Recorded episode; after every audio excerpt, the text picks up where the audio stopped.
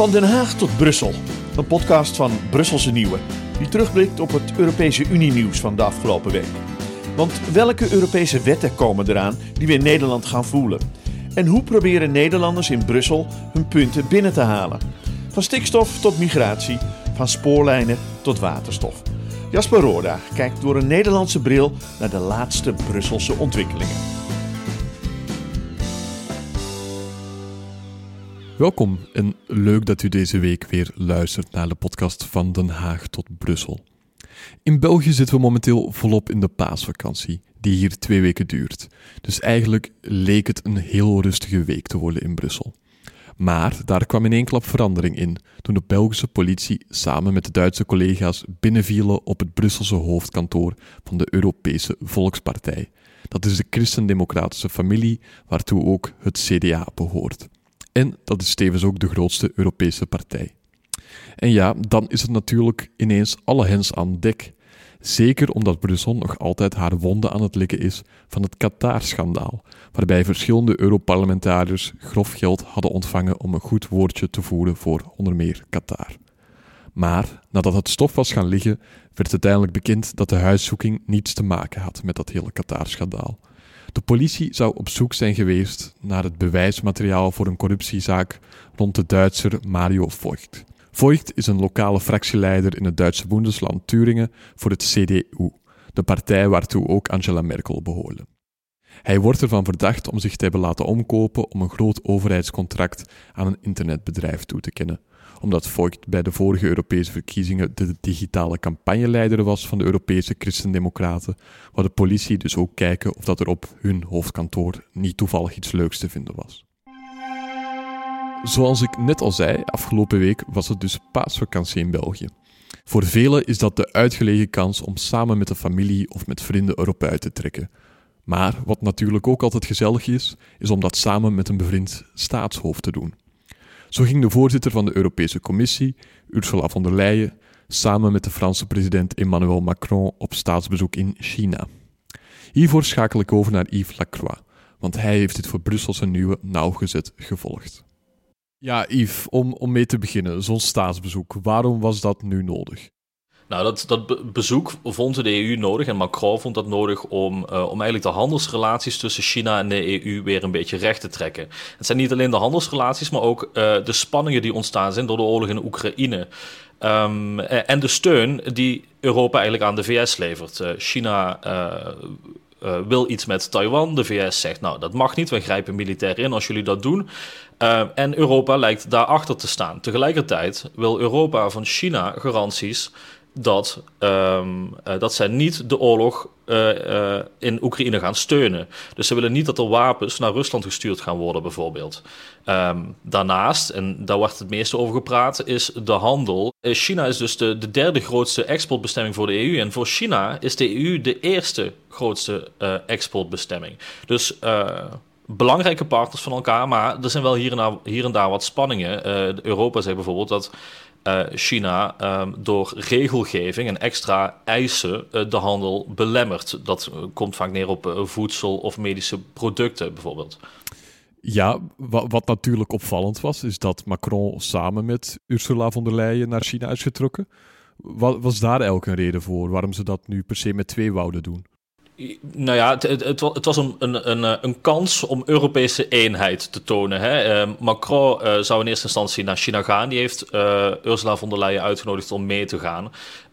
om dus te laten zien dat Europa als één blok functioneert. Grote landen als China en Rusland proberen dat vaak. Um, proberen vaak Europese landen tegen elkaar uit te spelen. Hè. Dus dit was een poging om dat tegen te gaan. Uh, dat is niet per se gelukt. Uh, Macron die werd een, een stuk beter ontvangen dan Ursula von der Leyen, wordt gezegd. hij had ook een veel drukkere agenda, had meteen een meeting met Xi Jinping, hè, de, de president. Terwijl von der Leyen als eerste ontvangen werd door een ecologie-minister. Um, en, ook niet bij alle, alle meetings uitgenodigd was. Uh, dus het is niet echt uh, gelukt om die Europese eenheid te tonen. Dankjewel, Yves. En dan, tot slot, gaan we het nog hebben over de bijtjes, want daar gaat het helemaal niet goed mee. Door de verstedelijking en het gebruik van pesticiden in de landbouw zijn de bijenpopulaties binnen de EU namelijk sterk teruggevallen de afgelopen decennia. Enkele actievoerders starten daarom een burgerinitiatief met de naam Save the Bees om Brussel tot actie aan te manen. Ik bel hiervoor naar Meike van Noordwijk, onze landbouwspecialiste bij Brusselse Nieuwe. Ja, Meike, misschien allereerst zo'n zo'n burgerinitiatief. Wat moet ik me daar nu juist bij voorstellen? Um, nou, een burgerinitiatief dat is opgericht in de, in de Europese Unie in 2012, of het is in werking getreden in de Europese Unie in 2012, uh, om de afstand tussen de burger in de Europese Unie en de Unie zelf eigenlijk te, te verkleinen en de, de burger een manier te geven om, ja, om mee te denken over wat er in de Europese Unie gebeurt. Um, sinds uh, die tijd, dus sinds 2012, zijn er negen initiatieven geweest die, uh, die het gehaald hebben. En dat het er niet zoveel zijn, dat komt vooral doordat het best wel een ingewikkeld proces is om, uh, ja, om die initiatieven op tafel te krijgen bij de commissie. bijvoorbeeld als we het over Save the Bees hebben, dan zien we dat na zo'n registratie moet er handen komen. Um, en wanneer, pas wanneer dat het geval is, dan moet de commissie reageren.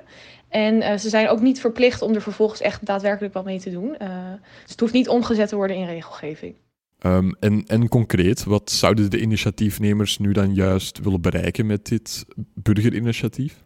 Ja, de, de initiatiefnemers die, uh, willen eigenlijk dat de commissie zich meer gaat inzetten om het gebruik van pesticiden in de Europese Unie drastisch te verminderen.